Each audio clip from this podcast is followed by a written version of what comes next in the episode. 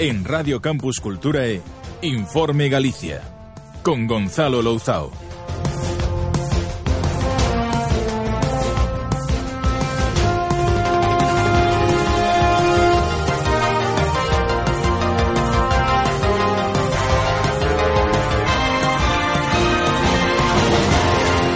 Señoras e señores, moi bons días, benvidos a o seu programa informativo de debate en directo, por suposto, das mañás dos xoves en Radio Campus Culture.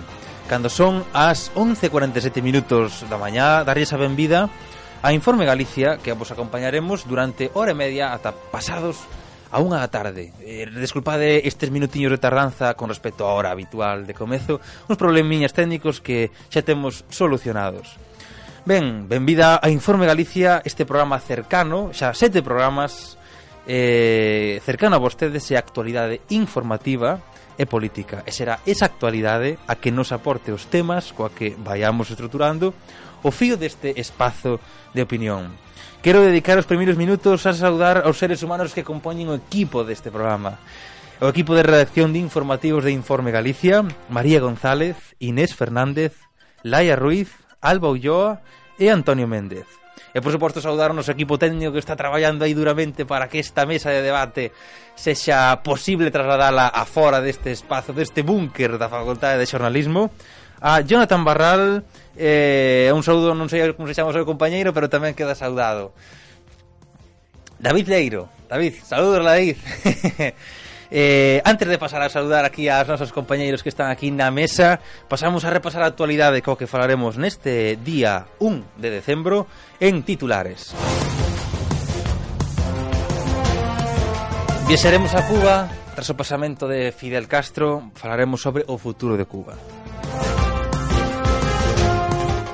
Rita Barberá, eh, linchamento sobre Rita Barberá. Futuro da reforma laboral. Pacto educativo e retirada das reválidas. Opinións de Alberto Núñez Feijó sobre Cataluña.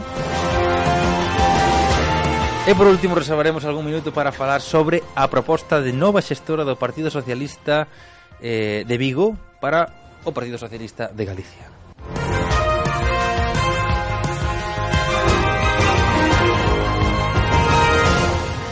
Hoxe todos eles pasaron polos micros de Radio Campus Cultura e xa noutra ocasión E hoxe que é o último programa da temporada e Xa nos vamos de vacacións en Informe Galicia Volvemos despois de do Nadal Can máis temas e máis actualidade A ver o que pasa durante estes mm, mes e pico de descanso. Primeira parte da tempada que cerramos hoxe con Iván Rodríguez de Noia. Un noies, por suposto, un placer terte aquí de novo, Iván, que tal? Igualmente. Contanos, ti estás facendo un máster. Estou facendo un mestrado si, de marketing e comunicación política, non sei, non sei se vos sona. Eh, non sei, a verdad. Estás impartindo na miña facultade. Eu de vez en cando pasa por ali. Eh, un placer. Estamos encantados de, de que esteas aquí. Como tamén estamos de Santi Calvo. Hola, Santi. Hola, moi bo De día. Chantada. Que tal? Pois pues encantado de que esteas aquí. Ti que estás facendo por aí? Estou facendo unha tesis doutoral en económicas. Pois eh, temos aquí unha excepción economista porque vamos a miña dereita que teño aquí a Aitor Bouza. Moi Hola. Aitor. Que tal? Bueno, ti pasaches eh, pasaches de, de, de un lado de, de, do campus ao outro. Estás facendo un máster. Sí, Bueno, máis ben que pasar dun campus a outro pasei da, da, da Ceira, non? Porque Estás na, na, da facultade de Dereito, na, facultade na facultade de, de enfrente, sempre decimos, os da facultade de enfrente eh, con forma despectiva aos de, aos de dereito. Non sei por que hai tanta rivalidade, porque non somos disciplinas non somos disciplinas contrapostas. Nunca mellor dito de disciplina, sí. bueno, pois pues un placer tervos aquí a todos e se si vos parece entramos xa cas máis na masa, agora que estamos xa con polvorón, mazapáns, eh, entramos no mes de Nadal, polo tanto entramos no mes da masa, mm, fuerte. Entramos con Laia Ruiz no futuro de Cuba. Tras la muerte de Fidel Castro, aunque muchos se duelen, otros expresan en privado la esperanza de que su fallecimiento le permita a Cuba moverse con mayor rapidez hacia un futuro más abierto y próspero, bajo el gobierno de su hermano menor, Raúl Castro. Con Fidel muerto y Raúl en el poder, que programó su salida del poder para el 2018, surge la incógnita sobre quién será el sucesor, lo que podría provocar una pugna por el poder. Las dudas también apuntan a si la nueva generación de dirigentes pueden garantizar el futuro de la revolución socialista. La muerte del comandante se suma al temor de los cubanos a que el nuevo presidente electo de Estados Unidos, Donald Trump, dé un portazo a los embrionarios vínculos comerciales y turísticos alcanzados con Barack Obama. Grupos de defensores de los derechos humanos se preguntan cómo se verán los derechos humanos en la Cuba del futuro, ya que la vida de muchas personas depende de esa respuesta.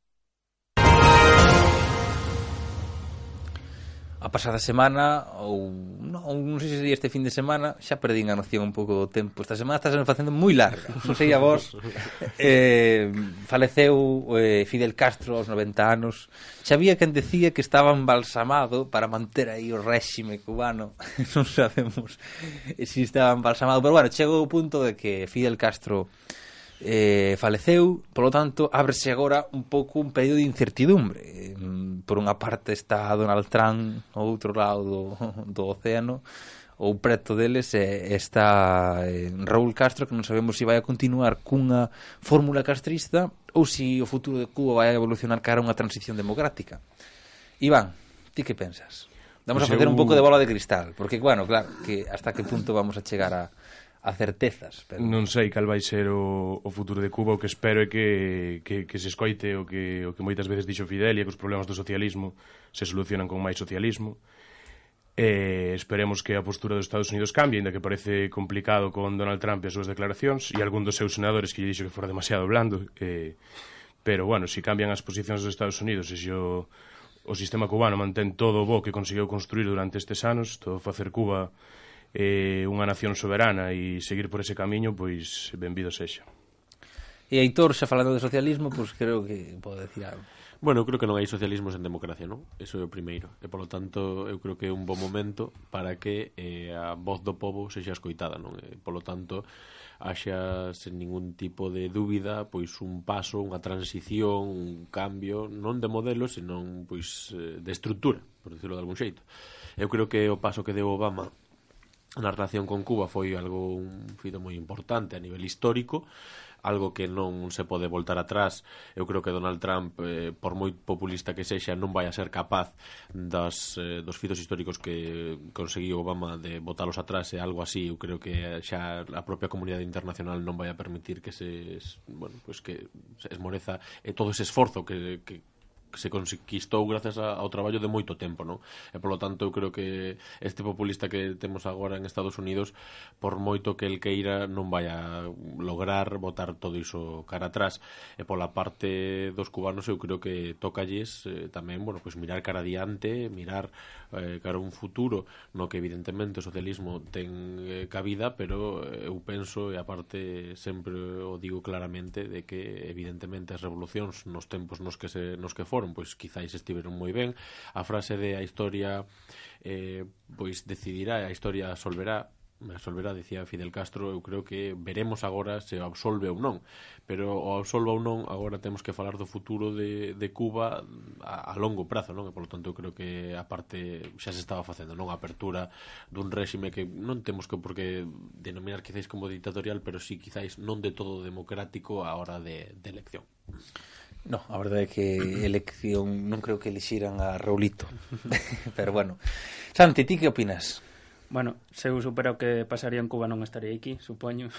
eh, pero tratando de facer un pouco de futurólogo non creo que cambie moito a cousa porque o principal cambio que houve en Cuba foi fai 10 anos cando Fidel Castro deixou o cargo no seu, no seu irmán Raúl Castro creo que Fidel Castro ahora era unha figura simbólica máis que representativa do réxime eh, basicamente Raúl Castro, aínda que quixo facer algúns cambios, eh, Raúl Castro é, é un aperturista tipo China, tipo Vietnam, non, com, non como ao do lado de Fidel Castro, pero non conseguiu facer cambios porque non só é Fidel Castro e Raúl Castro os que, os que manexan o réxime, senón hai máis xente detrás eh, por esa parte non creo que non creo que haxa cambios no curto prazo, pero no medio e longo prazo pois pode ser unha, unha vía de esperanza para toda esa xente que sete, eh, un 1,5 millóns de exiliados ou 7.000 mortos que, que, que deixou o réxime pois pode ser un, unha vía de esperanza para toda esa xente que, que espera que o aperturismo de Cuba. Cales son principalmente os problemas cos que deixa este, este réxime castrista, Iván? Creo que o principal problema é o, o bloqueo, que decir que non se lle permita eh, comerciar ou que non se lle permita a invertir ás empresas eh, a risco de ser sancionados nos, nos Estados Unidos. Tamén un, un contexto internacional que non lle é favorable, é dicir, hai unha perda de soberanía de todos os estados, estamos lo vendo na, na Unión Europea, nos países do sur, e por iso tamén creo que en grande parte Cuba é un exemplo e a continuidade e a sucesión, vamos, é dicir, como se pon no poder a unha xeración que non fixo a revolución, a unha xeración que tomou o relevo e que polo pouquiño que coñezo, creo que sigue eh, mantendo os valores e mantendo o proxecto que se inaugurou no 59, pero verémolo, a verdade teño moitas ganas de ver como, como se dá ese relevo e como se consigue que, que tome o mando a xente que non participou eh, da revolución. Aitor. É un pouco, bueno, insistir nesa liña non? do que acaba de decir Iván porque eu coincido en que xustamente as revolucións hai que velas no tempo no que se deron. A revolución castrista principalmente pois loitaba pola liberación do povo respecto ás eh, propias inxerencias de outros países, principalmente Estados Unidos, pero bueno, podemos dicilo dunha comunidade internacional que quizáis eh, tomaba Latinoamérica en xeral eh, como por falar en xeral, eh, sabemos que xa hai moitos outros casos, pero eh, os tomaba como colonias, como algo que eran prácticamente súbditos dun réximen impostado noutros lugares do mundo. Polo tanto, bueno, se analizamos as revolucións en cada eh, lugar, eu creo que dentro desa propia revolución pois ten que haber un avance, non? E dentro dese avance, pois evidentemente a día de hoxe as persoas que viven en Cuba maioritariamente, que creceron nunha Cuba, quizáis, bueno, pois eh, dende un punto de vista eh, non antidemocrática, pero sí non con todos os dereitos quizáis fundamentais para poder exercer libremente unha democracia, para vivir libremente nun sistema no que eh, se pode poida vivir pois eh, dentro de todas os, as garantías e dentro dun estado de benestar, non? Porque o estado de benestar non só é a educación, a sanidade, os servicios públicos e sociais, senón tamén para min eh, exercer o dereito ao voto por exercelo, non, senón que a garantía da pluralidade política é unha garantía que está dentro tamén dos, dos valores fundamentais, non? E polo tanto, eh, que vai a pasar no futuro? Eu creo que os sismos en xerai, non? O franquismo, o castrismo, todos os eh, líderes que se simbolizaron simbolizan efectivamente na súa persoa, porque claro, eh, Decía Santi, non é que, é que era un símbolo, evidentemente, pero sen ese símbolo non tibera sido posible que durante todo este tempo se tibera mantivedo un réxime, porque ese réxime, esa forma de traballar, ao final, pois vese condicionada á figura dun líder, dunha persoa que a que, bueno, move, podemos velo en Venezuela tamén, non? A caída eh, do que era un líder, pois ao final con leva, pois que a día de hoxe xa unha revolución interna, non? Pois eso é o que agora teñen que xestionar, eh, moitos intereses da burocracia, da propia Cuba, que non vai querer que haxa un cambio de réxime. Cobra vida entonces a teoría do embalsamamento. Para mm. manter ese líder aí simbólico eh, manter o réxime máis tempo. E que lóxicamente os populismos baseanse na, na imaxe dunha, dunha persoa en concreto, Fidel Castro, Hugo Chávez, etcétera. Eh, Contanos, Santi. Eh, que deixou Fidel Castro e o castrismo en Cuba? Bueno, gostaríame ler aí que unha lista uh -huh. da compra que teño aquí. Tres docenas de ovos, un kilo de leite en pó, un litro de yogur natural, 10 latas de puré de tomate, un kilogramo de pituga de polo e 20 barras de pan. É o que poden comprar os cubanos o mes. Economía de subsistencia, deixo aí. Economía eh, de bloqueo.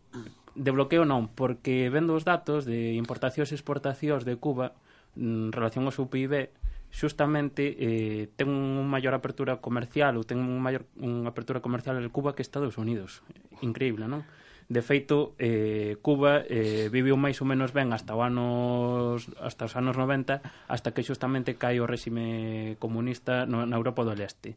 E agora ten relacións económicas con Venezuela, que eh, con Venezuela con América da Latina. Non é cuestión... Que de, de... son as potencias mundiais, Venezuela. Ah, as potencias mundiais, home, polo menos ten petróleo, que é bastante importante. Non para, se vive só de petróleo. Non se vive só de, de petróleo. E despois pregúntome eh, que pasaría se... Porque o principal embargo que, que hai en en Cuba é, é do propio do propio goberno de, de Cuba, do propio réxime castrista que expropia a, a xente non deixa eh, a súa li a liberdade para abrir o seu propio negocio e eh, pros e prosperar libremente. Ademais, se vemos a evolución dos datos económicos e eh, sociais, eh, por, por exemplo, an, no ano 55 o, a renda per cápita de, de Cuba era o 27% da renda per cápita de Estados Unidos. Para, para quen? Eh? Para quen? Para que parte da poboación era era a renda alta? Era a renda, renda alta é unha media. Pero, media. Claro, claro, pero, sí, para pero como, bueno, como era, eh, estaba distribuído iso, era, era, sí, sí, pero Bueno, que eu, a min, sí, a, sí. a min encanta neste, neste, neste, desde a morte de Fidel o discurso que di que Cuba antes da revolución era un, un país riquísimo que decir, era un casino e un prostíbulo dos Estados Unidos e, e, e fixeron unha revolución que convirteu Cuba nun Estado soberano é dicir, é curioso que unha economía de subsistencia teña a mellor educación e a mellor sanidade de, sí. de América Latina entre eu diría, outras moitísimas cousas Eu diría que soberano eh, en que sentido? Porque plegouse aos pés de os pés da URSS, eh? O sea, eh, ali, o sea, participando dos países non alineados eh, plegouse os pés da URSS, aliándose Me... con Angola, aliándose con Exipto e por suposto tendo unhas relacións eh, boas coa Unión Soviética que bastante axuda lle prestou cando necesitou, pero eh, creo que Cuba tivo unha posición autónoma incluso niso, que non era fácil ter unha posición autónoma naquela época. Eu, eu dubido que tivera unha posición autónoma polo, polo que digo. Eh, falas da redistribución da renda. Ti crees que España é un país onde hai moita desigualdade ou, ou pouca desigualdade? Suficiente. España. Suficiente. Eh, pois o índice de Gini de Cuba é maior que o índice de Gini de España. É dicir, en Cuba hai maior desigualdade que en España. Un 40 Iso non justifica, no, no, non justifica nada, eh? No, no, eu solo, solo digo que fala de que ahora está, hai unha maior redistribución da renda, que hai menos Podemos desigualdade. Podemos mirar na, na época franquista tamén que valores había. Non, non sei, sí, pero eu estou contestando a él que... Dende logo, Cuba... con, re, con respecto ao 55 en Cuba, non coñezo o dato, sinceramente, mm. pero con respecto ao 55 en Cuba, estou segurísimo de que a riqueza está infinitamente máis distribuída que, que no 55 agora mesmo. Eh, eh, e, e quizáis hai menos renda. Redistribu igual redistribuíse máis que non que o dubido, pero eh, hai menos riqueza para sí, bueno, repartir. Pero si, se, a, si a riqueza de Al Capone, pois prefiro que sexa menos riqueza e que sexa do povo que de Al Capone. Sí. Por lo no, que entendo, Santi, pero... quere decir que está máis redistribuído a, a pobreza. Sí, Bás, basicamente. Pero digo tamén a evolución, porque tamén hai que entender a evolución. Non sei un dato estático, a renda per cápita que falaba, e que a renda per cápita con respecto ao, de Cuba con respecto a Estados Unidos era do, terce, do 13% era o terceiro país máis rico de América hm. e agora é un dos países máis pobres. Ahora compa que... ahora compárase con Haití, con Sí, sí, sí. Compárase es... con Haití. Eso está eso está eso está moi ben. O último Sí, eso está, eso está moi ben. O último furacán demostrou sí, que sí. se compara hm. moito con Haití. Pero eso está eso está moi ben, pero hai que ver de onde partiu o réxime e onde acabou. No, evidentemente, pero eu creo que os datos, as cifras está moi ben, é dicir, eu non comparto que as persoas sexan cifras, pero eh, eu estou acostumado a debatir con xente do Partido Popular que se dedica a iso a decir decir cifras, porcentaxes. As cifras e os porcentaxes podense manipular. Interpretar e sobreinterpretar. O que conleva que ao final es que as persoas pasan a ser números. Pero as persoas son persoas. E o que conleva é que son modelos. E os modelos implican que a redistribución implica que se ti queres, pois ao mellor non se distribúe o mesmo, efectivamente, pero se distribuye mellor e, o que implicaba a revolución, que é o que dicía eu que evidentemente ten que evolucionar, evidentemente tamén se tiñan unhas condicións que un bloqueo pois condiciona moitísimo, eu creo que é algo que condiciona fundamentalmente máis que un país que tes ao lado, que te está bloqueando completamente non só as relacións con ese propio país, senón ao final as propias relacións internacionais, porque ter un bloqueo de Estados Unidos conleva un bloqueo prácticamente internacional. E claro, despois eh, facemos unha un análise con Angola, pero evidentemente eh, o que se conseguiu con esa revolución foi foi non ser un país dependente de outro. Da URSS. A época das colonias. Non, non é da URSS. Non é da URSS. É dicir, ese análise... Claro, está ben. É dicir, eu creo que esa análise, evidentemente... Cando lle compraba azúcar inflado de precio, por exemplo. Dependía de... Sí, pero se, no, se, se análise se pode facer a que se queira. Pero a URSS non mandaba en Cuba esa é a diferencia. Creo que non é o que non das comprendido, é dicir, tiñan que comprar o azúcar en, en a URSS seguramente porque non podían facelo en Estados Unidos. Entón esa é a diferencia de compralo a depender de para que te inflúa na propia política. Estados Unidos pretendía mandar nun estado que non quería que fose soberano. Toda esa época foi unha época de xustamente revolucións dese estilo revolucións que buscaban unha autodeterminación, que agora en Cataluña se, de, se desvirtúa quizáis ese termo.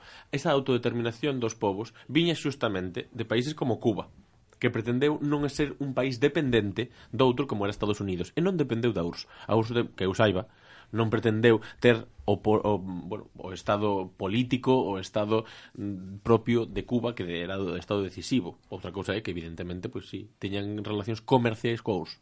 Sí, Claro, moitos outros países, eh. E se falamos de condicionamentos eh, de cara ao futuro e de cara a este proceso, que vai a condicionar que, falando de Estados Unidos tamén, Donald Trump sexa o futuro presidente? Iván. Pois a verdade eh, ten bastante poder porque todo o que se fixera ata agora eran decretos presidenciais, é dicir, en política exterior si ten o presidente moita, moitas competencias eu creo que vai a, a empeorar o, o camiño que se va andado. As declaracións o día da morte de Fidel, a parte de irrespetuosas, eh, marcaron claramente unha liña eh, por onde quer ir o goberno e xa digo, moitos outros eh, bueno, as declaracións de, de Marco Rubio por exemplo, que se non me equivoco é, é cubano, descendente de cubanos foron moito máis duras aínda e dixo que Trump fora moi, moi blando entón, a ver, a ver como evoluciona a cousa pero, bueno, a cousa, pois, as, as relacións que se que se fixeran a todo agora parece que van a empeorar. Aitor? Bueno, eu Lembargantes creo que non vai a poder facelo por un simple feito que do que vive Trump, non? Que dos seus intereses económicos, que el non vai a ser presidente por la vocación que ten da política, senón ao revés, pola antipolítica. Eh, el basease ao final nos intereses das empresas das que non só as súas, senón en xeral, o propio eh, oligopolio, monopolio, como queramos definir, no que se atopa a día de hoxe Estados Unidos cun presidente que ao final responde máis aos intereses eh, económicos que aos propios da xente, non? Como se vai a poder ver. Entón eu creo que ao final os intereses económicos que se, se están xerando a día de hoxe, que se, os que se van a xerar van a estar por riba dos propios intereses, aínda que agora el teña que vender, que vai a estar en contra de Raúl Castro, de que vai a, de, vai a pedir máis de democracia, que vai a facer, bueno, vai a crear moitísimas cousas, tamén vai a facer o muro de México, hai moitas cousas que vai a facer supostamente Donald Trump, pero eu creo que ao final a realidade vai a superar a ficción e todas esas promesas que estiveron moi ben para que el puidera chegar a converterse nun populista que gañara unhas eleccións justamente por todo ese tipo de propostas, pero que vaya, van a caer en saco roto e que inclusive que caian en saco roto lle virán ben a el para seguir incrementando o seu populismo, porque o venderá, eh, dirá que é un produto dos medios ou que é un produto da, da, da comunidade internacional internacional que está intentando atacar Estados Unidos ou a independencia ou o que sexa e daralle a volta a tortilla e pode dicir hoxe unha cousa, mañá a contraria, pasado mañá a seguinte e así cada día da semana unha cousa diferente como fixo na campaña e non vai a pasar nada. Por lo tanto, eu creo que realmente Donald Trump mm, quizáis evidentemente enturbie un pouco eh, o, o marco, pero se eh, os eh, bueno, os cubanos son intelixentes, eu creo que saben interpretar ben e deixar e pasar un pouco das declaracións que faltan a Trump, pode continuar este proceso. Eu coincido, Santi. eu coincido con Aitor na súa visión sobre o que pode aportar Trump nas relacións de Estados Unidos-Cuba basicamente porque Donald Trump é casi tan imprevisible como o propio futuro de Cuba. Entonces, que vai a pasar eh, con, con Estados Unidos e Cuba? Nin idea. A verdade é que non sei o que o que pode facer Donald Trump. Sup a él interesa interesoulle eh, nas eleccións e ora mandar unha mensaxe chamando no que en realidade eh, era Fidel Castro, que era un dictador, eh, porque ten aí un, un, un calado de votos cubano eh, exiliado que, que ou, ou na a victoria nas pasadas eleccións dos Estados Unidos pero ahora no cargo pois pode ser completamente diferente do que prometeu. Eso é o que é o populismo, que digo unha cousa antes das eleccións e cando pasan as eleccións fago outra. Entonces, pois totalmente imprevisible o que pode pasar, pero é certo que probablemente poda entorbiar, por desgraza, as relacións Estados Unidos-Cuba porque a mí non me gusta nada todo tipo de embargos, tanto os exteriores como os internos do, do castrismo para, para o povo cubano. 12 12 minutos da mañán Falamos dunha semana na que a actualidade estuvo marcada polos falecementos de persoas destacadas da xenda mediática e política. Falábamos agora de Fidel Castro, pero vamos a pasar a falar de Rita Barberá. Contanolo Arba Ulloa. No Congreso, Rafael Hernando asegurou o pasado xoves que Rita Barberá foi apartada precisamente para evitar o seu linchamento, pero que as hienas seguiron mordéndolle. Hernando fixo estas afirmacións en Radio Nacional de España, onde remeteu contra algúns medios de comunicación, como La Sexta, por golpear a Bárbara permanentemente porque daba audiencia. O dirixente popular chamou a reflexión aos directivos desos medios de comunicación. Segundo lamentou, son esos medios facendo programas que estimulan a banalización do mal político os que provocaron que Podemos obtivera un gran resultado electoral. Para Hernando, a decisión de Podemos de ausentarse do minuto de silencio pola morte da senadora foi repugnante e manifestou a súa especial decepción con Íñigo Rejón. o trato dos medios na, mm, sobre este, este tema eh, foi unha das cuestións que se puxeron encima da mesa sobre si Rita Barberá foi linchada mediáticamente por ser quen era, por o personaxe que desenvolvía, ou si efectivamente pois merecía este trato, era un tema que estaba aí e que o, mm, tiña que sair á luz da, da ca forza ca que saleu. Santi, ti que opinas? Bueno, o principal linchamento a Rita Barberá fixo o propio Partido Popular, eh, por exemplo, Maroto, todas estas novas xeracións do Partido Popular que moito falaban ou moito, moito critican que ahora que Rita Barberá que era unha gran persona que era unha gran persona que se criticaba tal eran eles eran os propios que criticaban a Rita Barberá e pedían que, que se foran que se fora da política. Non, non sin razón porque Rita Barberá mmm, sin perder as eleccións pero perdeu a alcaldía que ao final é eso que conta na, na democracia representativa que temos aquí en España nos concellos tamén pois eh, debería haberse marchado porque lóxicamente ca súa idade xa tiña unha carreira dilatada en política e xa non, non tiña o tirón que tiña durante os 24 anos que, que pasaron. Foi para o espazo tradicional. Sí, a xencia de colocación dos políticos que o, eh, que, que, o, que, o, que o Senado ese que había un diputado do Bene, un senador do BNG un programa de Salvados que dixera algo de que estaban aí todos os dinosaurios ou algo así bueno, pois, pois algo así. Entonces ahora o Partido Popular está utilizando o victimismo para dicir que, que non somos tan malos, que eh, os medios de comunicación que, que se pasaron con Rita Barberá, etcétera Bueno, eh, o Partido Popular vive vive destas cousas como calquera partido eh, partido político de facer unha cousa cando se, se trata dun nos casos de corrupción cando se trata dun, dun membro do, do partido e outra cousa cando é de outro partido porque, por exemplo, non lles temblaban a voz cando, por exemplo, Chávez e Griñán estaban invest sendo investigados, nin condenados ni nada e xa aseguraban que eran uns corruptos, etc. etc. Eu creo que é importante manter a presunción de inocencia que neste país pois estáse vendo, vendo pervertida eh, eh, no caso de Rita Rivera tamén eh, foi bastante pervertida pero aínda así eh, o seu tempo en política pasara xa foi xa foi moito tempo e que o Partido eh, Popular foi o principal instigador de Rita Barberá. Iván, Rita Barberá é un, é un símbolo, non? É un símbolo de, dunha forma de gobernar, dunha forma de xestionar, dunha forma de relacionarse coas empresas que máis alado que diga un tribunal é corrupta eh, e montou un, un sistema eh, era alcaldesa de España era alcaldesa desa España de burbulla inmobiliaria de especulación urbanística de construir grandes obras e dar todos os pelotazos que se che ocurran porque sabes que non che van votar dai que se che votan dai como lle pasou despois dese, dese ostión que dicía ela que se pegou nas eleccións municipais mandanche para o Senado a cobrar eh, sabe Dios que salario que decir eu falar victimizar a unha persona que mandou tanto, que fixo tantísimo dano e que eh, pudriu unhas institucións como e pudriu unha comunidade autónoma xunto con outros, pero pudriu unha comunidade autónoma e fixo que, que fose gobernada por uns amiguetes que dende os actos de campaña ata as obras, ata a xestión de calquer tipo de cousa eh, cedíanas entre eles, uns tiñan o poder político outros o poder económico.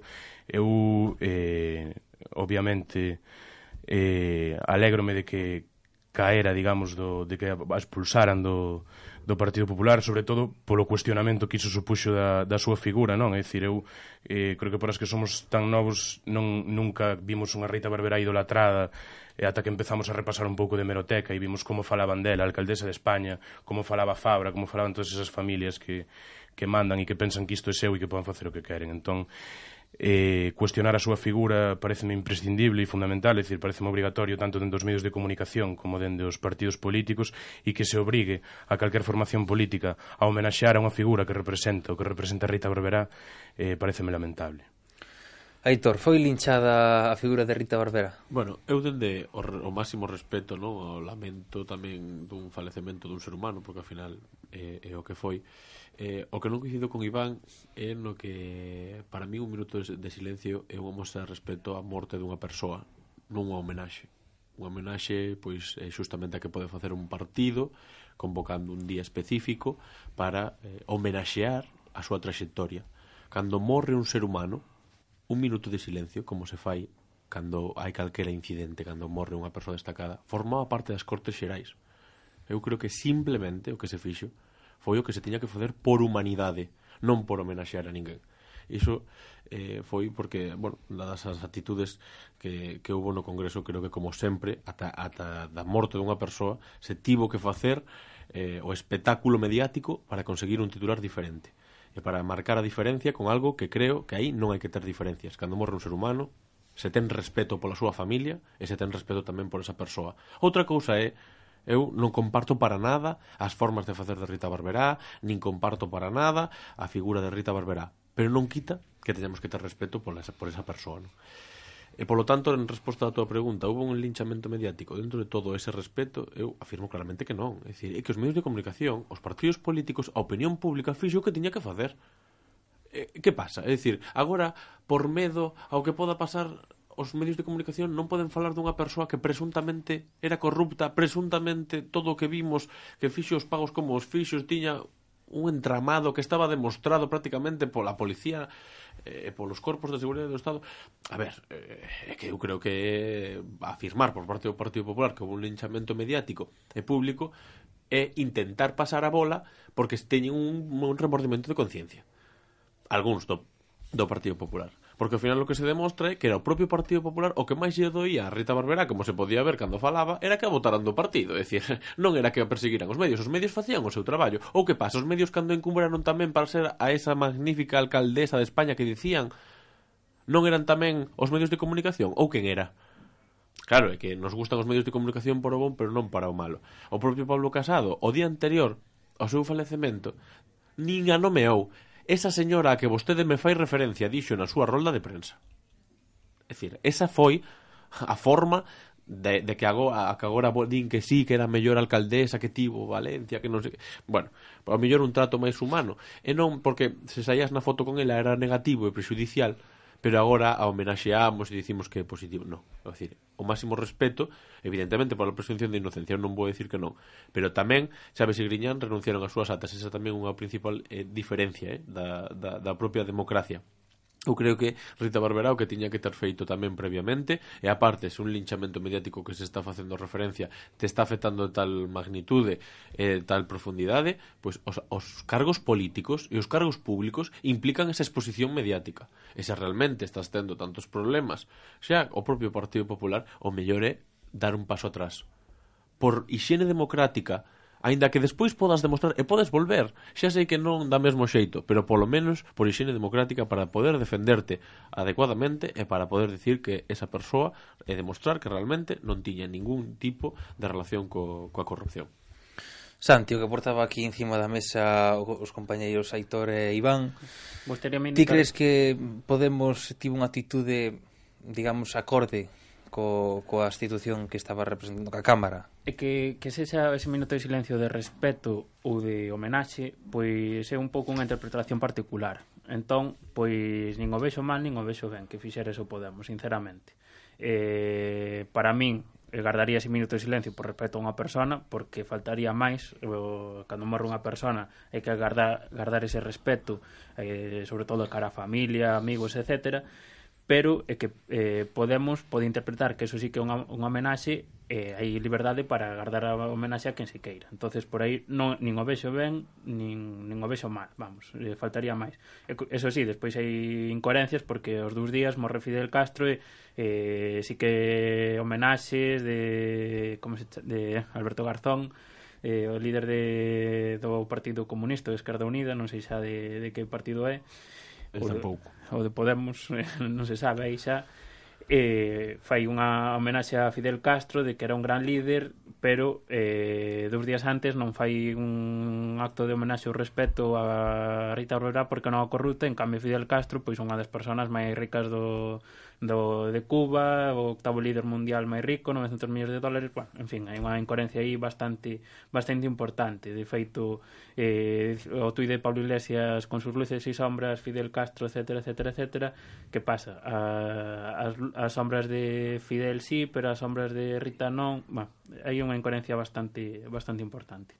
Eh, con respecto a que dicía Iván que Rita Barberá que era unha corrupta que digo que digo aos suíces home, que digo eu que habrá que respetar a inocencia porque moitas veces moitos políticos teñen ido ao, ao xuzgado porque por calquer motivo eh, tes unha denuncia e hai que demostrar a túa culpabilidade. E se non eres culpable despois que pasa? Que o, lincha, o todo o linchamento etcétera é corrupto e despois demostrase que non é, é verdade e que pasa con esa persona. O delito ao honor por exemplo. Santi, eu creo que unha pregunta que podíamos plantexar aquí é eh, este actualmente a presunción de inocencia, digamos, como que non hai tanta, xa, xa se condena antes socialmente a persoa a persoa que salta ese tipo de, de circunstancia. Ti que ademais eres unha persoa que pois tes mm, cer, mm, manexas este tipo de temas, que, que, que opinión tes? Debese manter a presunción de inocencia porque actualmente e antes sí eh, non temos esa, esa capacidade da opinión pública de manter a percepción de inocencia e xa o condenamos, antes xa damos por suposto de que está condenado. A min pareceme ben que se informe de, por parte dos medios de comunicación de que eh, hai unha presunción de que esta persona actuou de, de certa maneira, faltaría máis a liberdade de, de expresión e de prensa, pero que pasa que despois eh, prodúcese por parte do sobre todo da, do, dos partidos de oposición pero fai o mesmo Partido Popular con, con casos como en Andalucía, por exemplo, que eh, de non, non se respeta esa presunción de inocencia e trátase culpable e justamente os culpables teñen que demostrar que son inocentes, cando no dereito é eh, inocente hasta que se mostre o, o, o contrario. Entonces, pois, por aí eh, non, non sei se é tema cultural, non sei, non sei por que eh, non chego a comprender esa, ese fenómeno, a presunción, a presunción de inocencia estáse, estáse perdendo a todas luces en España. Iván, inocente ata que se demostre o contrario. Claro, eu cando, cando falaba de que Rita Barberá é unha corrupta, ese, creo que é unha corrupta con mayúsculas, non porque cometese ningún delito, senón porque fixo dentro da lei, repartiu cartos aos seus amigos durante bastantes décadas. A Gürtel eu creo que é incontestable, eh, polo menos amosando un modo de funcionar das institucións, é dicir, como ti eh, concedes ás empresas dos teus amigos, de, de los amiguetes de Rita Barberá, como concedes todo tipo de obras, licencias públicas, todo tipo todo tipo de cousas que teñan que ver co Partido Popular en Valencia, E esa é unha forma de, de gobernar, é unha forma de gobernar que neste Estado se alabou durante moitísimos anos e se ensalzou ata que estoupou. Ata que estoupou a burbulla e agora empezan a cuestionarse e agora algúns empezan a ir presos. Pero eu creo que cuestionarse ese modelo e cuestionarse esa forma de gobernar Eh, unha vez a analizamos, eu creo que se pode decir sin ningún tipo de pudor que é unha forma de gobernar corrupta. Eh, sobre un minuto de silencio, eu creo que habría que decir que se se está homenaxeando a un, a un ser humano, é dicir, eu creo que habría que cuestionarse iso, é dicir, non estamos homenaxeando a un ser humano, os seres humanos eh, morren todos os días, eh, e non se lle rinden homenaxes no Parlamento. Creo que hai que acostumarse a que o consenso do que do que algúns disfrutaron neste Estado durante 40 anos rompeu e que agora hai forzas que xa non teñen eh, dous ou tres deputados, senón que temos seis ou teñen eh, 60 que cuestionan eh, o réxime e cuestionan aos seus símbolos. Entón, hai que acostumarse a que a Cámara e a que un Congreso de Deputados non é un sitio que se vai a, a charlar amigablemente entre notables eh, respetarse, o sea, respetarse por suposto que sí, pero bueno. eh, ter un, unha unha connivencia, digamos, e no esencial estar de acordo, senón que eh, hai unha xente nas institucións que se está cuestionando eh, o fundamental deste réxime e que no fundamental dese réxime está, está Rita Barberá. A mí pareceme ben que se cuestione o réxime, é dicir, pareceme fantástico, é unha forma de que o réxime, por chamalo de algún xeito estado de benestar, mellore. Pero a cuestión de humanidade, para min, non é un cambio de nada Decir, o respeto a unha persoa, a un ser humano, é unha cuestión de dereitos humanos. é decir, pero que se veu xa na propia actuación de Podemos. Eses que veñen a cambiálo todo, que veñen a darnos leccións de como se fai política, fixeron unha cousa no Congreso e ao contrario no Senado. é dicir, é que eles mesmos se deron conta de que non era coherente o que estaban facendo, polo tanto non era un homenaxe. O que pasa? Era un homenaxe no Congreso e non no Senado. Que son cousas diferentes. Era un respeto no Senado e un homenaxe no Congreso? Non. Era unha cuestión de chamar a atención como sempre era para, para intentar decir que son os máis renovadores de todo, os máis revolucionarios de, que do mundo. Pero hai veces que hai que pararse un pouquiño nesa revolución e mirar para o lado e decir, son persoas. E cando haxe un homenaxe a Rita Barberá, que non acudan, ninguén llo pide, pero respeto á figura dunha persoa, dun ser humano. Os dereitos humanos ten que estar por riba de calquera ideoloxía, de calquera congreso, de calquera institución e de calquera cousa. Polo menos é o meu punto de vista. Por lo tanto, non comparto para nada que se estea homenaxeando a ninguén. Porque aparte, se, se de repente morre Rita Barberá e non é ningún cargo público, aínda que estés en contra do réxime, tens que respetalo. Pero que Rita Barberá era senadora. Senadora. É dicir, formaba parte das cámaras legislativas. O Congreso é unha cámara legislativa. É dicir, é algo lóxico. Non é que de repente morrera unha cidadana eh, eh, por ser Rita Barberá lle fixeran homenaxe, senón que era unha senadora. Por lo tanto, eu creo que iso, vamos, era un, simplemente eh, unha mostra de respeto, non? Estando completamente en contra de coas formas. E respecto á presunción de inocencia. Eu creo que non é sexa algo cultural. É que aquí falamos da ética e da ilegalidade. Eu creo que temos que intentar eh, empezar a separar o que é ilegal e o que é un delito ao que non é éticamente político facelo. E, esa, e aí está, para min, a principal eh, tersiversación da realidade. Que pasou estes anos? Os partidos, pero aparte todos os partidos, contribuíron a que a opinión pública non comprendera o que significa que unha persoa este imputada. As imputacións no dereito penal son para que as persoas poidan defenderse, pero en España as imputacións pasaron a ser un lastre para as persoas. Unha imputación, cando te chama a declarar un xuiz, é para que ti poidas a dar a túa versión sobre a presunción dun suposto delito que puideches ter cometido, pero porque hai uns indicios que non teñen por que ser para nada, para nada delito. Simplemente hai uns indicios que o xuiz ten a obriga de corroborar. E para iso te imputa, para darte a ti a posibilidade de falar. Que pasa? Que a imputación pasou a ser completamente o contrario. A imputación pasou directamente cando aparecía a persoa. Imputaron a non sei que, ou xa é un corrupto. Para nada. Ao revés. É dicir, que pasa? Claro, pois que os medios de comunicación e os partidos non como algo malo, senón quizáis nese ámbito de rexeneración e de ética confundiron o dereito coa ética. O que fixo Rita Barberá é ético, non. É un delito, posiblemente non. Non sei, eh? Me refiro, descoñézose todo o que fixo estaba dentro da legalidade. O Partido Popular onte mesmo dicía que as donacións de 1000 euros non eran legais. É dicir, evidentemente é unha diferencia clara. Moitas cousas que pasan nos, eh, no día a día dos concellos son legais, pero non son éticamente probables. Ou que a xente rexeita, sí, pero ao mellor temos que ser moito máis exigentes éticamente cos políticos porque penalmente non, non é, pero temos que saber o que é ética e o que é delito. E polo tanto non podemos tampouco xulgar a unha persoa, é dicir, que é corrupta éticamente Rita Barberá? Sí, Que corrupta delitualmente? Non o sabemos. Pero que pasa? Que a día de hoxe eu creo que na cidadanía non hai esa diferenciación. Cando ti dis que unha persoa é corrupta é porque delitualmente cometeu unha irregularidade manifesta do, bueno, pois na, na súa xestión pública, non? Por lo tanto, eu creo que temos que instaurar a día de hoxe na política un código ético un código deontolóxico, como teñen os médicos, como teñen os abogados, como teñen calquera profesión. Eu creo que o que fai falla na política é un código ético de respeto público e que haxa que dimitir non porque cometeras unha ilegalidade, senón porque ti non respondes a unha ética parlamentaria, unha ética conductual que te permita exercer un cargo público. E quizáis aí eu creo que poda estar o equilibrio entre o respeto á presunción de inocencia e tamén o respeto das persoas a poder dicir que eso non lles parece ben éticamente, e de poder reprobar a esas persoas pola súa conducta política. 12 media en punto, estamos na metade deste informe Galicia, hai debate, temos moitísimos máis temas, vamos a escoitar uns conselliños de Radio Campus Cultura e volvemos coa reforma laboral e co pacto educativo. Radio Campus Cultura.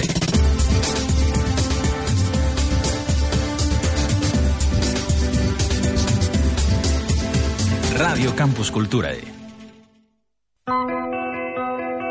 En Radio Campus Culturae Viaxamos no tempo a través da música. Todos os martes a partir das oito e media da tarde, Mil Músicas. O programa que cada semana repasa a historia da música dos anos 60, 70 e inicios dos 80 en España e Iberoamérica. Mil Músicas, con David Leiro. Eu son David Leiro e agardo vos en Mil Músicas, non falledes.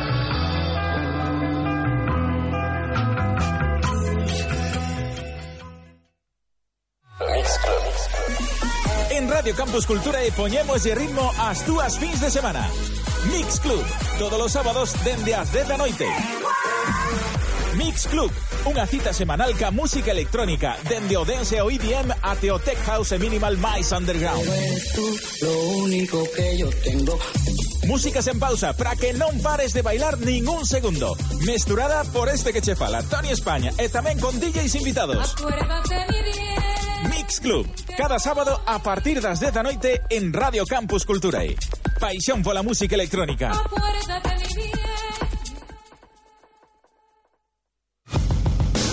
Se che gusta baloncesto, tes unha cita cada luns pola noite en Radio Campus Culturae todos los luns, dende as 10 da noite, Planeta Obra. Ca actualidade da ACB centrada sempre na evolución do equipo de Santiago de Compostela, o Cabo Obradoiro. E a partir das 11, o mellor da Liga Norteamericana en NBA Adictos. Cos colaboradores habituais Dani Egea e Sergio García. Lembra, todos os luns, ás 10 da noite, Planeta Obra, e ás 11, NBA Adictos. Presenta Manu Guiao. Bienvenidos al club.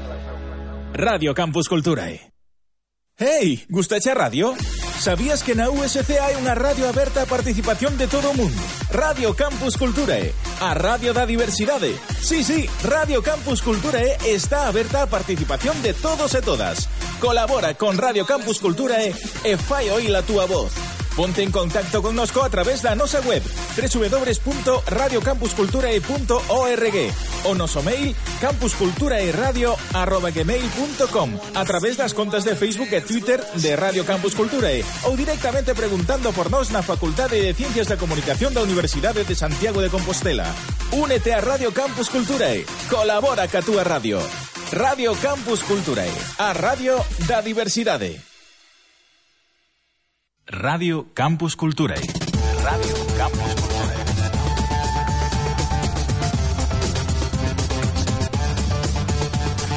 Radio Campus Culturae.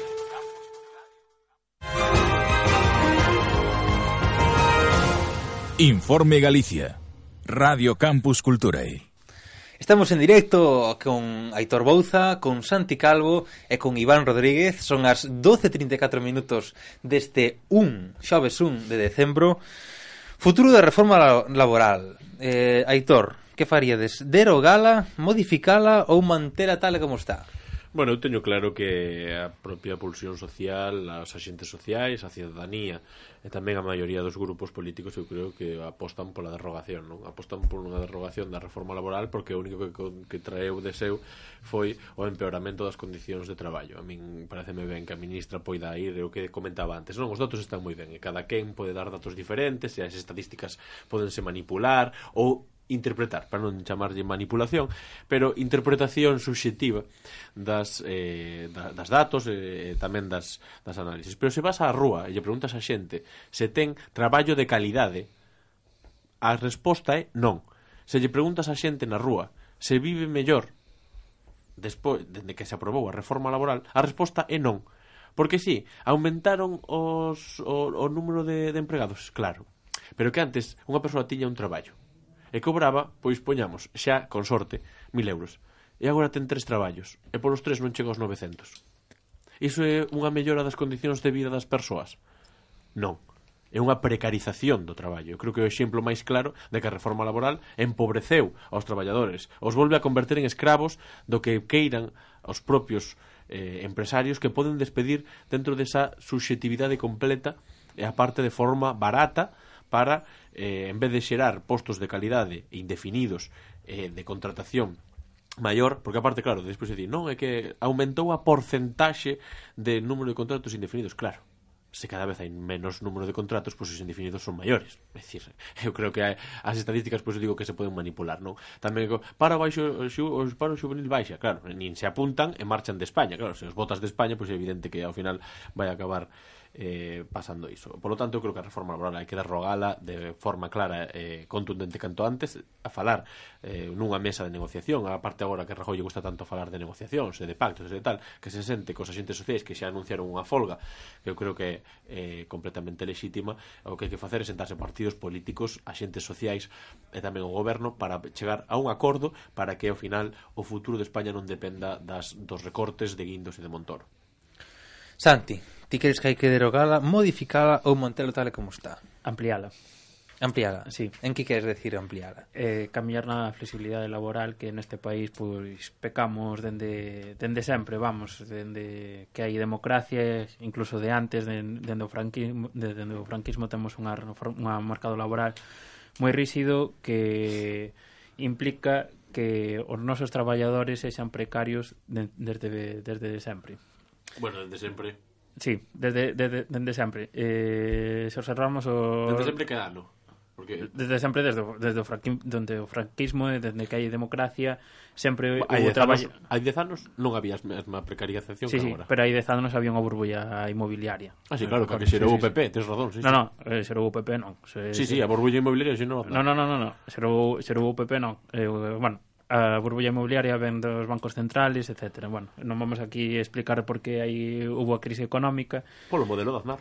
No, no, no, do modelo de Aznar no, porque a burbulla inmobiliaria houve en Estados Unidos, en España, etc. O sea, non é só cuestión de culpa de España, pero bueno, que tamén influiu, pero non só é ah, culpa de eso. Bueno.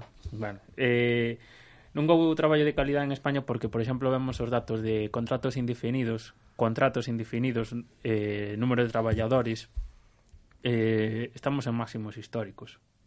No 75, no 75%. Ves? Porcentaxes. Me estás dando porcentaxes. Unha por, sobre un total de que? Sobre un total de traballadores. Claro, o número de traballadores... Si traballadores... Pero es que ahora hai máis. No, es, hai menos es, traballadores. Hai máis, hai máis traballadores que, que no ano 2011. No, no, pero que pero vamos a, a, a falar da época, non da época da crise, sí, sí, sí, sí, falemos da época da bonanza. Sí. Hai máis traballadores que daquela. Non. Iso é falso. Non. Ah, pois entón, sí, sí. claro, entón a porcentaxe pero, sube. Sí, sí, pero ahora, ahora deixeme explicar. Claro, Justa, justamente, temos un mercado laboral dual.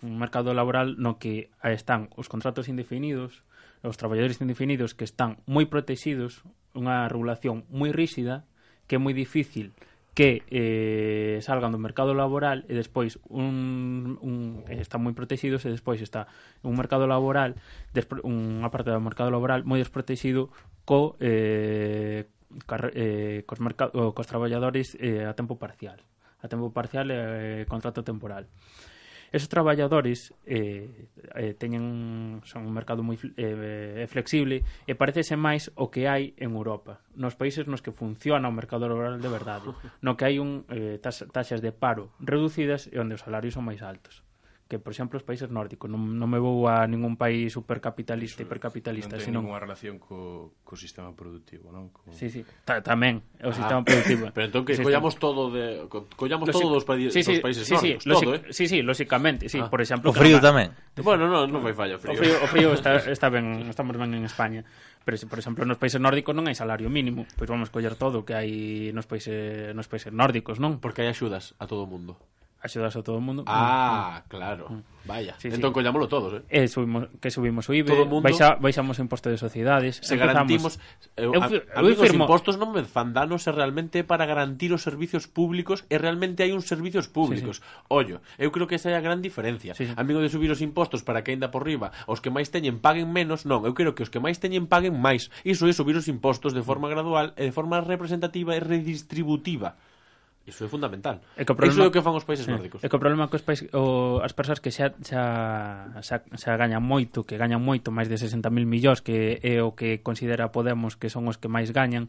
Eu non falo de Podemos, eu sí, falo sí. dos no, que no. máis teñen que máis sí, paguen. Sí, os que máis teñen... Eso xa pasa en España. No, no Porque, pasa. Sí, sí, temos un IRPF, por exemplo... Casualmente, os que máis teñen durante a crise, máis aumentaron os seus beneficios.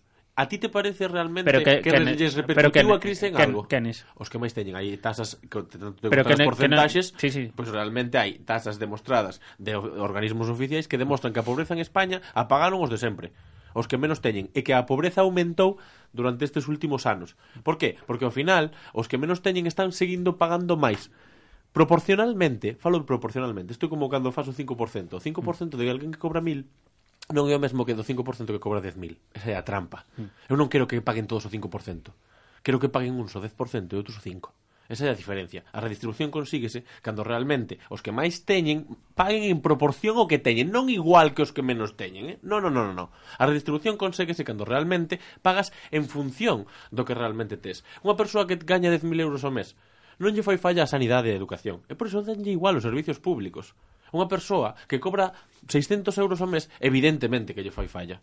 Iso e as axudas sociais que están garantidas todas nos países nórdicos. Bueno, eh, sigo, sigo sí. falando. Eh, que pasa? Que se temos moitas trabas ao, ao traballo indefinido, lóxicamente non se van firmar contratos indefinidos, porque nun, nun país ao salir da crise nunca nunca se creou emprego de indefinido. E hoxe, e hoxe por exemplo, eh, firmase máis contratos indefinidos que temporais nos, último, nos últimos meses. Eso é unha cousa, non sei se da reforma laboral ou non, pero simplemente é que en España temos un problema de eh, precariedade laboral derivado da regula das hiperregulación laboral que hai en España. Entonces hai que camiñar a desregulación laboral que empezou no que empezou a primeira reforma laboral de Zapatero e continuou Como nos países nórdicos, te refires? Como nos países nórdicos. Non eu firmo regulado, eu, firmo, ¿no? eu firmo mañá ter un pa, eh, as mesmas regulacións que cun país nórdico, eh. Eu teño Vamos. Para todo, eh? Fir para, para todo, para Os todo. Os sociais sí, sí, que sí. opinan nos países nórdicos? Que o problema é que esas cousas non se firman. Ese é o problema. Que, que de feito, a, a reforma laboral eh, eu creo que parte dun proceso que Santi enuncia moi ben, de, do outro lado, que é eh, o capitalismo ten uns riscos sociais moi grandes. Dende a crise eses riscos sociais aumentan moito e entón a que, quen paga a conta deses riscos sociais? O traballo ou o capital. Cunha legislación laboral eh, previa o traballo estaba un pouco máis protegido, un pouco máis protegido, tampouco demasiado. Agora eh, o capital non paga nada e todo pagan os traballadores. Iso eu creo que é a única traducción posible da flexibilidade e a única eh, traducción posible da, da desregulación. Eh, despois, eu creo que si derogar a, a reforma laboral sería un paso adiante e coincido con Aitor en que os axentes sociais, se si hai unha maioría creo que parlamentaria suficiente para facelo, para derogala, eu creo que esta non é a solución a temporalidade nin a precariedade.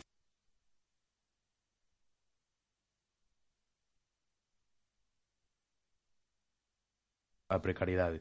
Creo que eh, a legislación laboral xa non chega para iso, no modelo que temos actualmente, que eu creo que é eso, pois é un, un modelo salvaxe no que eh, a precariedade non é só laboral, senón que chega a todos os aspectos da vida, é dicir, despois falaremos da, da educación, é o mesmo proceso de reconversión, é dicir, decirnos que, que temos que ser nós os que emprendamos, que temos que asumir os riscos e coller o touro polos cornos e botarnos a, a facernos ricos en, en un minuto é unha forma de, de dicirnos que estamos desprotegidos, que os problemas se solucionan individualmente e que se si, eh, fracasamos non vai haber un Estado que nos, que nos axude, non vai haber unha comunidade que nos axude porque non lo merecemos, porque somos uns fracasados e non ten nada que ver con a nosa posición económica previa, non ten nada que ver con o noso capital, senón eh, coas nosas ganas ou con a nosa falta de ganas. Eu creo que esa é a única traducción posible de todo este proceso de reconversión económica en todos os sectores da sociedade para adaptalo ao modelo neoliberal que é o que lle fai falta ao, ao capital despois da crise, que non quere correr os riscos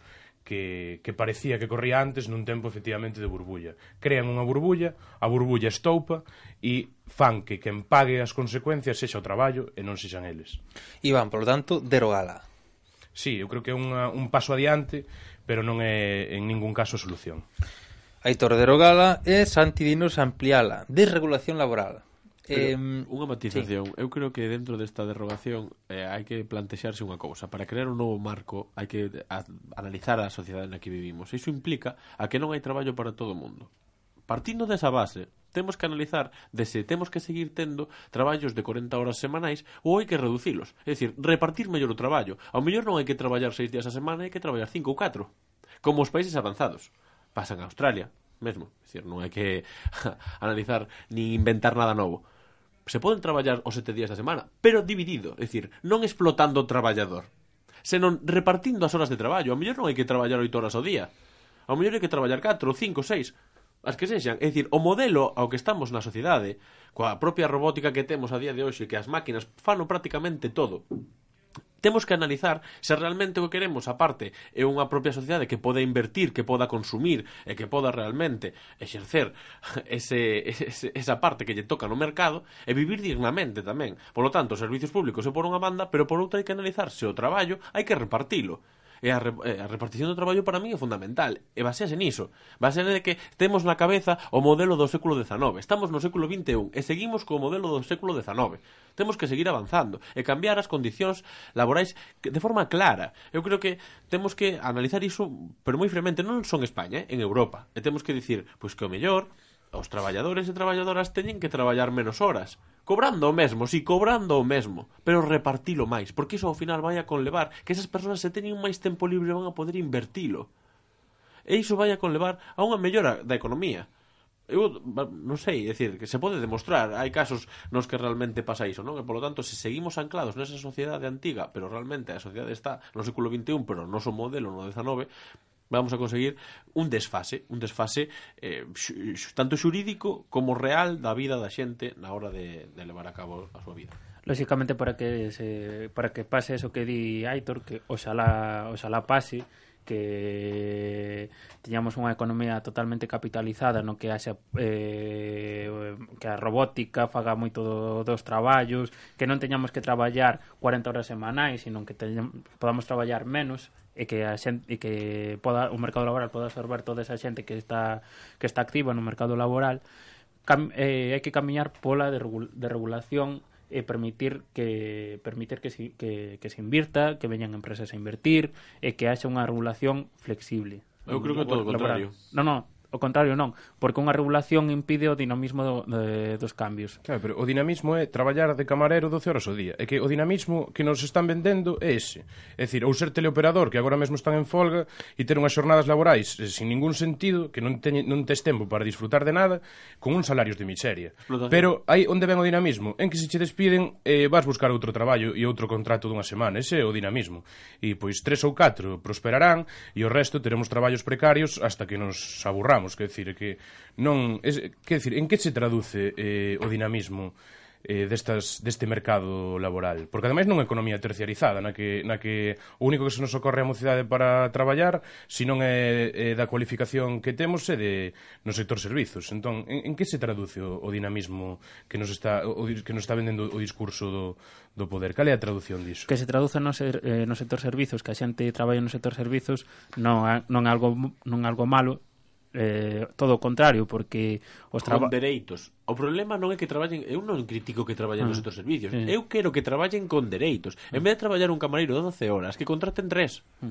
Esa é a diferencia. É dicir, é que eu creo que é bastante fácil. Por eso quero regulación. Regulación para exixir é que eh, haxa dereitos para as persoas. Para min, a desregulación conleva a propia explotación do traballador, como se está vendo. Por que quero que se regule? Porque a regulación implica que haxa que cumplir unhas normas. E as normas conlevan que haxa que respetalas. E respetalas implica que vaya unha inspección e pode decir, pois non, esta persoa ten un contrato de 4 horas, non pode traballar 12 que é o que está pasando a día de hoxe, eh? non estou inventando nada. E ainda por riba, se te queixas, te despiden, porque ten unha flexibilidade que lle permite facelo por dous duros. Pero se hai moita rixidez, entonces eh, un empresario non vai contratar a unha persona se eh, despois non a, non a da despedido lle costa moito Con esa cartos. mentalidade, porque ti xa estás pensando en que queres despedila. No, no, se, no. se a túa mentalidade é eh, non vou a contratalo porque xa o quero despedir e non podo, claro, entón é un problema de modelo, pero de un modelo da persoa que quere contratar. O mellor teñen que cambiar tamén a, a forma e a perspectiva de velo, porque se xa queres contratar a alguén para despedilo, mal vamos. Ao mellor tens que pensar en formar a esa persoa en cambiar ese modelo productivo e pensar que esa persoa se realmente a adaptas ao traballo e a acolles ben, pode axudarte inclusive se se sente integrada na túa propia empresa e aparte cara a futuro podes xerar moitísimo máis beneficio que que vamos, que algo prejudicial para a propia empresa. O que pasa é que o modelo está en iso. Xa cando contratas alguén pensas en cando vas a despedir. É que a ver, é algo inédito. No, pero aparte de eso, tamén eh, nos, coste, nos costes laborales que non son só o salario. Por exemplo, eh, o salario mediano en España campaña de 15.000 euros e eh, costa, costa a empresa 20.000 euros. Esos costes ocultos que son os que impiden que, por exemplo, o que falabades que en vez de contratar un camareiro 12 horas, con, pois contrato dous durante 6 horas. Esos costes ocultos no mercado laboral, esas regulacións que impiden que as facilidades... No, a facilidade non contratas nego... un por 12 horas, contratas sí. un por 4 e traballa 12, que é moi diferente, porque ao final o que se está con, o que está con levar isto, é que o que ti estás dicindo é que de momento que España son máis caros os contratos temporais moito máis caros. Que pasa? Que faz un contrato temporal por 4 horas, pero traballa o dobre. Entón, claro, así eh, é normal que lles compense. O que hai que dicirlles é non, non se pode facer así. É obrigatorio, por exemplo, os fixos discontinuos unha modalidade que é moi bo, é moi boa, eu creo que é algo positivo, o modelo dos fixos discontinuos, algo que permite que a estacionalidade de certas actividades, como poden ser as actividades deportivas, as, as actividades estacionais, esas cousas son positivas. Iso creo que foi un avance, pero dentro dese avance hai que garantir que esas horas de traballo que polas que as persoas están traballando est son as reais. E por lo tanto hai que aumentar o número de inspectores. Aí hai outro foco vamos a analizar realmente é que eu non comparto o modelo no de que xa estás pensando en como vas a desfacerte dun traballador. Ao revés. É que terías que estar pensando. Unha persoa que vai a contratar a alguén, o primeiro que ten que pensar é como podo facer que ese traballador se implique máis na miña empresa porque ao final vai a traer máis beneficios para min. Iso é o que tería que estar pensando, non en como vou a facer para que se marche canto antes. 12 horas media xornada. vez de xornada. eh, a lei Mordaza tuvo o destino que tuvo, todo apunta de que a reforma laboral tamén terá algo parecido e vamos a escoitar a María González porque vamos a falar sobre o pacto educativo e retirada das reválidas. Poucas leis educativas xeraron tanta polémica e ocasionaron situacións tan agres entre o Ministerio de Educación e as comunidades autónomas como a Lonce de Huert. Pero isto acabouse, xa que Íñigo Méndez conseguiu pactar un acordo cos conselleiros autonómicos respecto das avaliacións finais da ESO e bacharelato. Este consenso será plasmado nun Real Decreto, que aprobará o Consello de Ministros e convalidará o Parlamento. Nel figuran varias novidades respecto do que xa se adiantou nas semanas previas á conferencia sectorial celebrada en Madrid. Entre elas atopámonos con que o título de graduado na ESO será un para todos os estudantes e que a avaliación final de primaria finalmente só a farán unha mostra de colexios elixidos polas comunidades. A avaliación final de bacharelato servirá só para acceder á universidade, centrándose o exame en materias troncais do segundo curso desta etapa. Este será moi parecido ao da proba de acceso á universidade. A única diferenza a destacar entre ambas probas e a razón principal pola que non se pode recuperar a selectividade é que os contidos de bacharelato cambiaron e a nova proba debe adaptarse a eles. A reunión coas comunidades apenas durou hora e media, algo realmente insólito, e rematou cunha mensaxe compartida por todos, aspecto aínda máis inédito nunha sectorial de educación.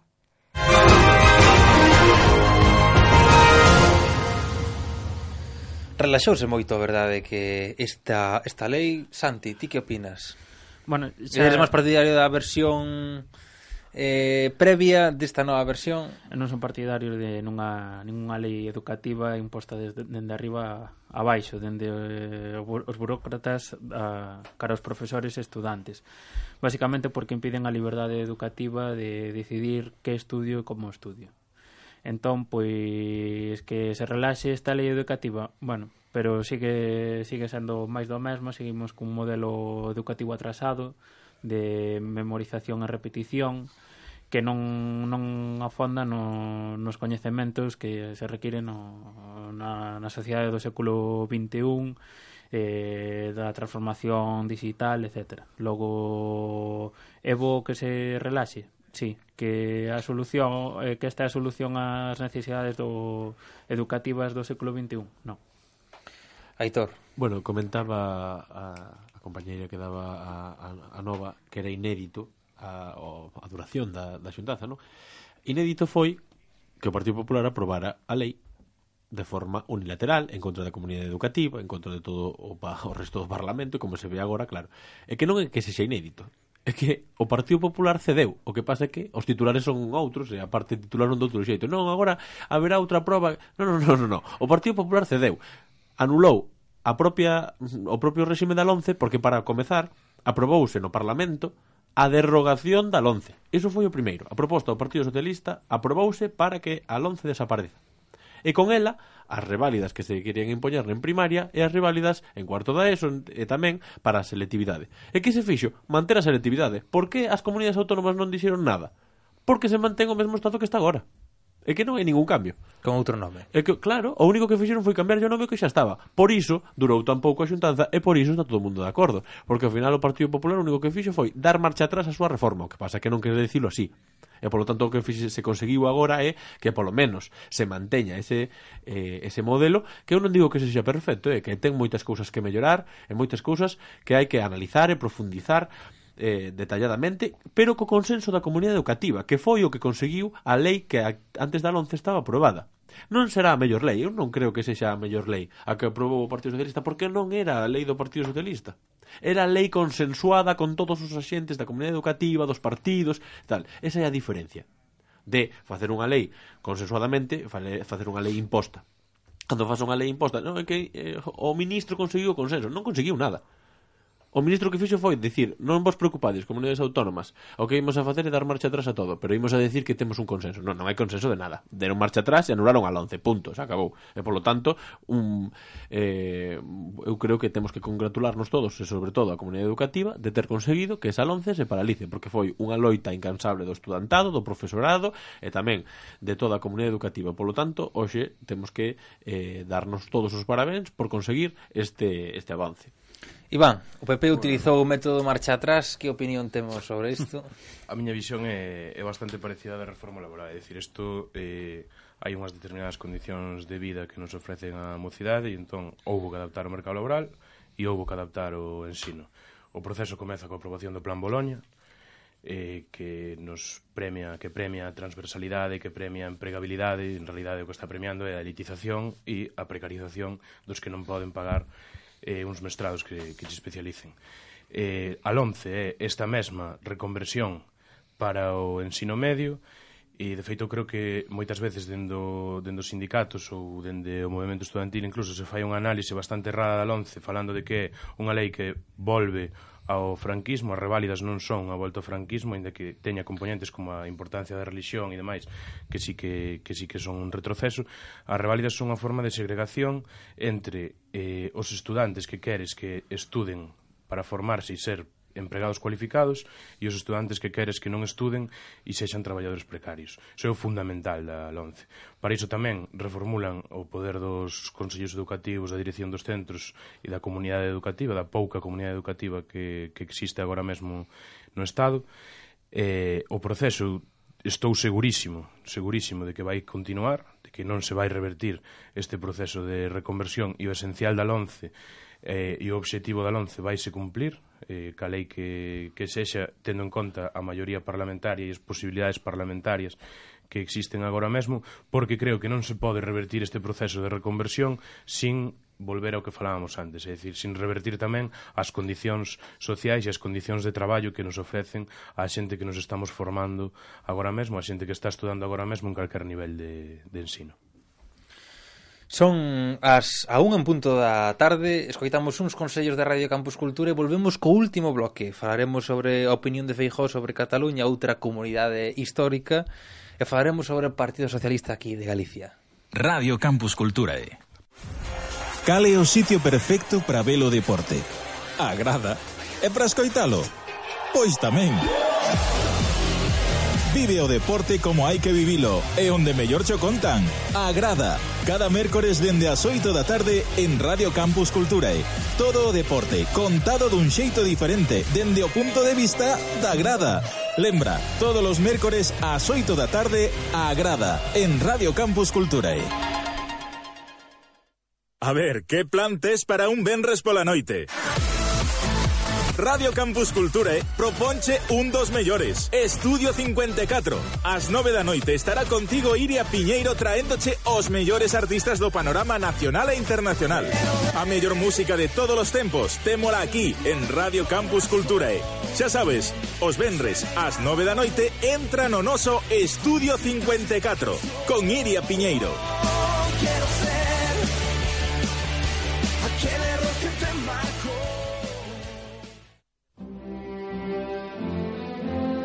Metrópoles Delirantes é un programa cun gran equipo de expertos no que falamos de BD dende unha óptica académica con análises profundas.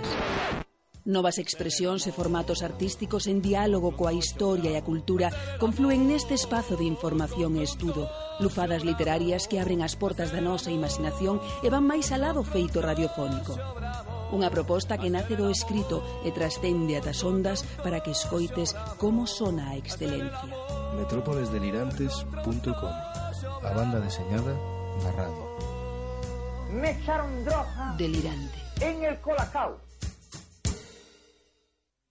Os martes a iso das nove da noite, que temos? Música. Busquemos otra cosa, una novedad. Novidade non sei, pero sí algo moi interesante. ¿De veras? Sí, claro. Os martes ás nove da noite, fundido a negro. Te voy a contar algo que un día me dijo mi padre. Conta, veña, conta. Mira las estrellas. En fundido a negro sí que hai estrelas. Un espazo repleto de plano secuencia, Dolby Surround, Travelings. Y yo también. Sí, claro, vostede tamén. En definitiva, un programa 100% dedicado ao cine e ás series. E os diré por qué. Porque soy un sentimental. Presentado e dirixido por Rebeca Sánchez. Y nosotros no discutiremos su profunda sabiduría. Lembra, os martes ás nove da noite, fundido a negro. Tú y yo lo sabemos. Él también lo sabía. En Radio Campus Culturae.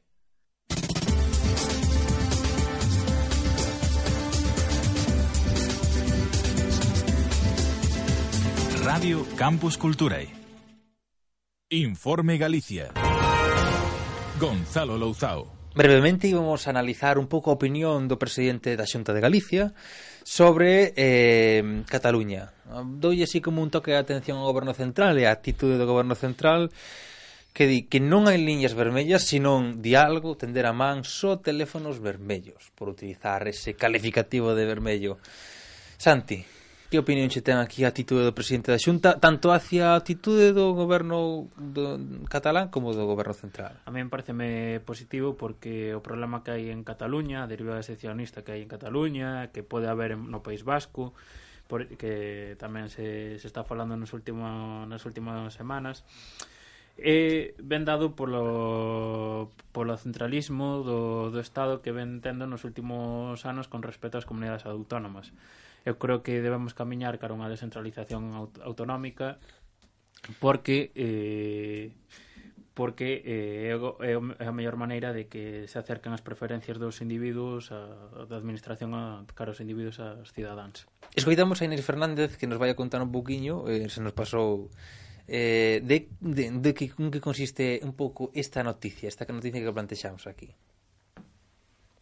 O presidente da Xunta de Galicia, Alberto Núñez Feijóo, fixo o pasado luns un chamamento para abordar un diálogo entre o Goberno e a Generalitat, sen liñas vermellas e con moitos teléfonos vermellos. Pretendía que o nacionalismo abandonara o debate semántico, pero tamén a lei non fora un obstáculo. O presidente pronunciou no Círculo de Economía de Barcelona a conferencia Estabilidade e Sostenibilidade dun Estado descentralizado. Xavier García Albiol, o líder do PP catalán, atopábase entre os asistentes. O presidente galego defende que a nova política debería abrirse cun desterro da demonización do que pensa diferente. Defende a comunicación permanente entre os diferentes partidos para conseguir, a través do diálogo, un acordo. Este pretende que as comunidades deixen de ser algo periférico e se convirten en algo nuclear reafirmou que non é necesario romper o Estado, senón crear novos instrumentos ou reactivar os xa existentes. Quere, polo tanto, conseguir reforzar o Estado das autonomías, tendo como primeiro reto a reforma do financiamento autonómico. Este pretende diferenciar entre o financiamento e o debate identitario. Por outra banda, tamén defendeu que a identidade presérvase moito mellor dende a sustentabilidade política, que, coa agitación permanente, o conflito e a desmesura.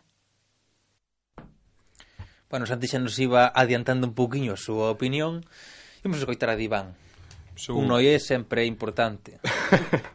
Feijó, cando vai a, a Euskadi ou Cataluña é un Leva boina posta. É un auténtico patriota.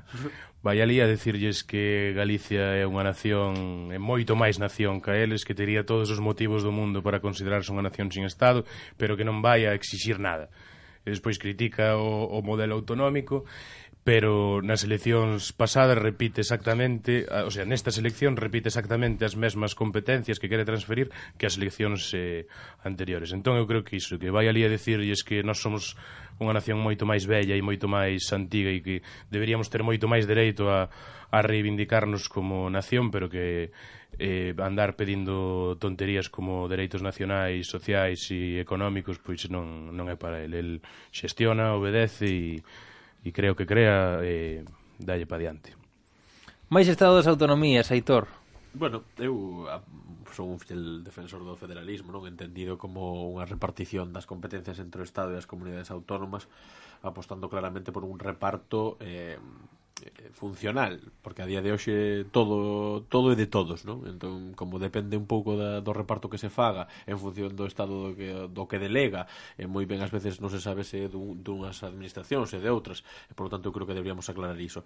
Pero Claro, en relación ás, ás declaracións que fai Feijo, encantame escoitar que o presidente da Xunta de Galicia fale de liñas verbellas, de consenso, de diálogo. Esas palabras que ele en Galicia non aplica nunca. Non dialoga con ninguén, pasa o rodillo no Parlamento e non fala con ninguén da oposición ni con os axentes sociais, ten a toda Galicia en contra, pero el dalle igual, é dicir, el despois ainda por riba vai por los platós adiante de, de España para decir que é o máis progre do Partido Popular, porque aparte anunciou a semana pasada que xa non se ia volver a presentar a ser presidente da Xunta de Galicia, porque como xa todos sabían Podemos non lle importa eh, Galicia e xa está intentando aspirar a Madrid e polo tanto este é o primeiro pasiño. Non é que se meta co goberno de España senón que xa está dicindo que el vai a ter moito diálogo cando sexa o vindeiro presidente de España do Partido Popular de xa é o primeiro toque de atención a Rajoy para que eh, saiba que vai a empezar un tour por España para conquistar o Partido Popular que é o que realmente a Feijó lle interesa e non falar de Galicia que por iso el considera, como dice Iván, un tema menor que Galicia se reivindique explique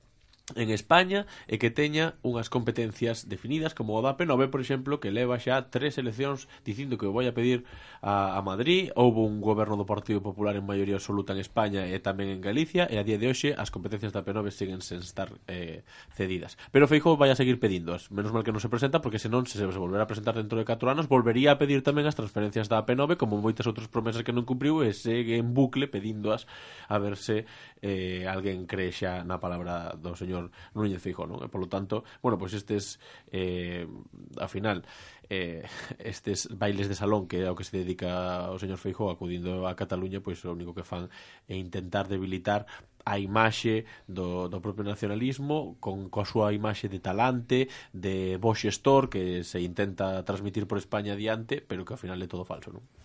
Santi, eh, esa hai unha demanda latente de máis soberanía en Galicia,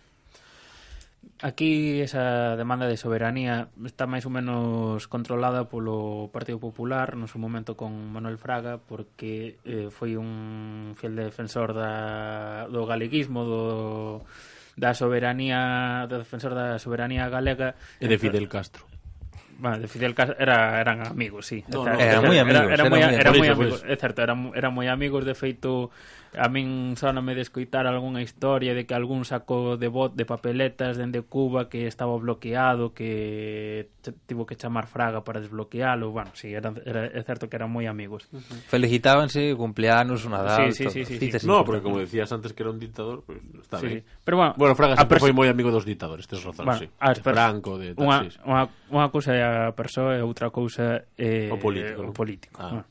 Porque mí, como dixeches ti con, con Rita Barbera. O que queiras, bueno. era amigo de, de dictador. Sí, sí, sí. Pero o sea... que era político, era a nivel político ou familiar? Era amigo de Franco, non sei, eh? pregunto. Non sei. vale.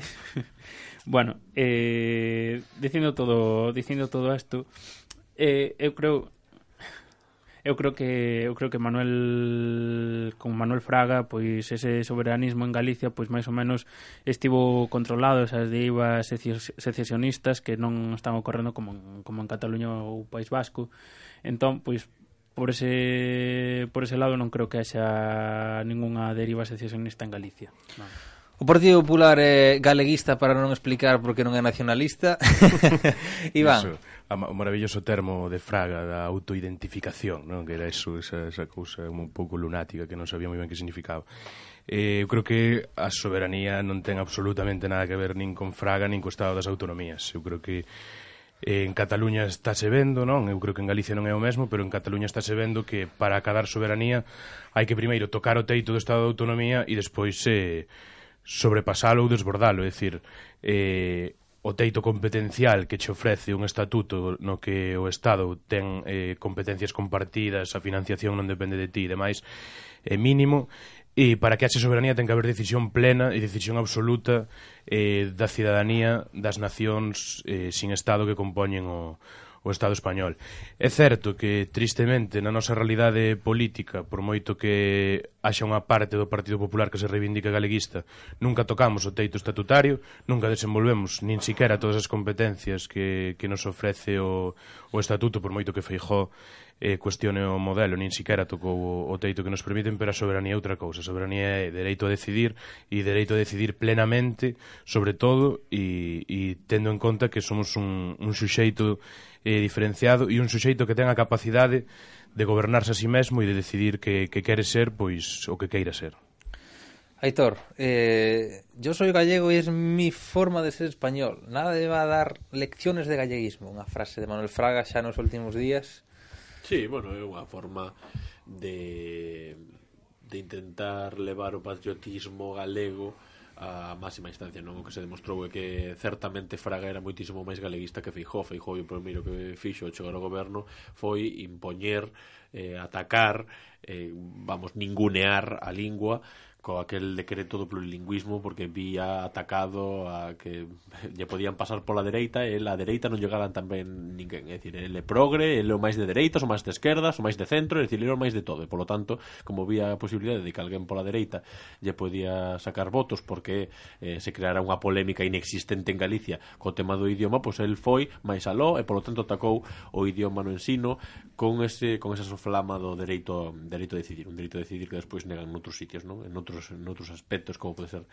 na, na interrupción voluntaria do embarazo. Pero fora diso, eu creo que eh, a galeguidade ao final eh, é certo que o Partido Popular eh, gaña votos dentro desa suposta galeguidade que ten.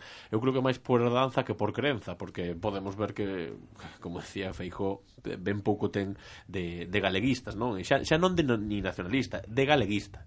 Fraga, pois, certamente foi o que foi, e tamén en Galicia, pois, sí, eu creo que exerceu ben parte, pois, eh, de, canalizou ese sentimento de galeguidade dunha forma positiva. Feijo non, eu creo que ten outras visións, de galeguista non eh, máis ben españolista en Galicia que, que galeguista en España, non? e polo tanto, bueno, pois esa visión eh, podería ser a que se podería dar de feijo que, bueno, inclusive as súas propias formas, eh, os, eh, a súa propia forma de, de, de falar, de expresarse, en galego notaselle que non é algo cómodo non do que fai habitualmente. 13-13 minutos da mañá deste 1 de decembro Pasamos ao último tema deste bloque eh, da primeira etapa este este último día, este último día que estamos así un pouco de despedidas. Eh, brevemente tratamos o tema sobre, xa non temos corte, bueno, moi brevemente, eh, nova xestora do Partido Socialista proposta polo Grupo Socialista de Vigo.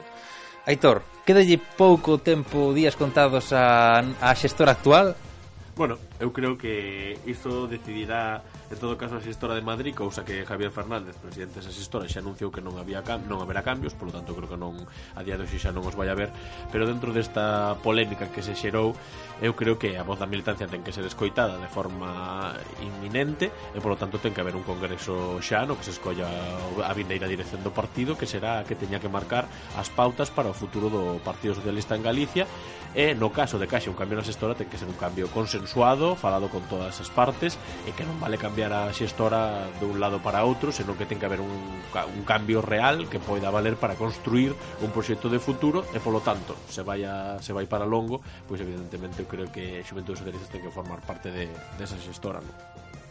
integrada, polo tanto, en todos os sectores de, do Partido Socialista. Pero, bueno, de, de todos xeitos, aínda que digo que no caso de que tivese que haber unha xestora, un cambio na xestora, pero, bueno, como xa podemos afirmar, porque o dixo o propio presidente da xestora de Madrid, tamén Mario Jiménez, o que falla as funcións de secretario de organización a efectos de dentro da xestora, afirmou tamén que non contemplaba ningún cambio, por lo tanto, é un rexeito que haxe un cambio inminente, e, por lo tanto, os días contados non lle quedan. Por nada, despedirnos, ahora nos queda despedirnos, dar as gracias a todos. Iván, moitísimas grazas por estar aquí. Un placer. Santi, moitísimas grazas de novo por estar aquí. Muchas gracias a ti, Gonzalo. Aitor, moitísimas grazas. Non nos dou tempo ao final de tratar o último tema con detemento que Unha nos mago. gustaría, pero pero bueno, moitísimas grazas a todos. Despedir, quería despedirme eh, cun, cunha pequena homenaxe a eh, Xosé Neira Vilas. Esta semana faise un aniversario que, que faleceu este, este escritor de Grés de Vila de Cruces eh, despedirnos porque precisamente en algúns programas citamos algunhas partes ou algunhas citas de algúns autores. Pois que mellor que acabar esta primeira parte da temporada que cunha cita del. Eu son Balbino, un rapaz de aldea como quen dice un ninguén e ademais pobre porque da aldea tamén é Manolito e non hai quen lle tosa a pesares do que lle aconteceu por causa miña. Moitísimas grazas Vémonos, escoitámonos no 2017. Felices festas e feliz ano 2017.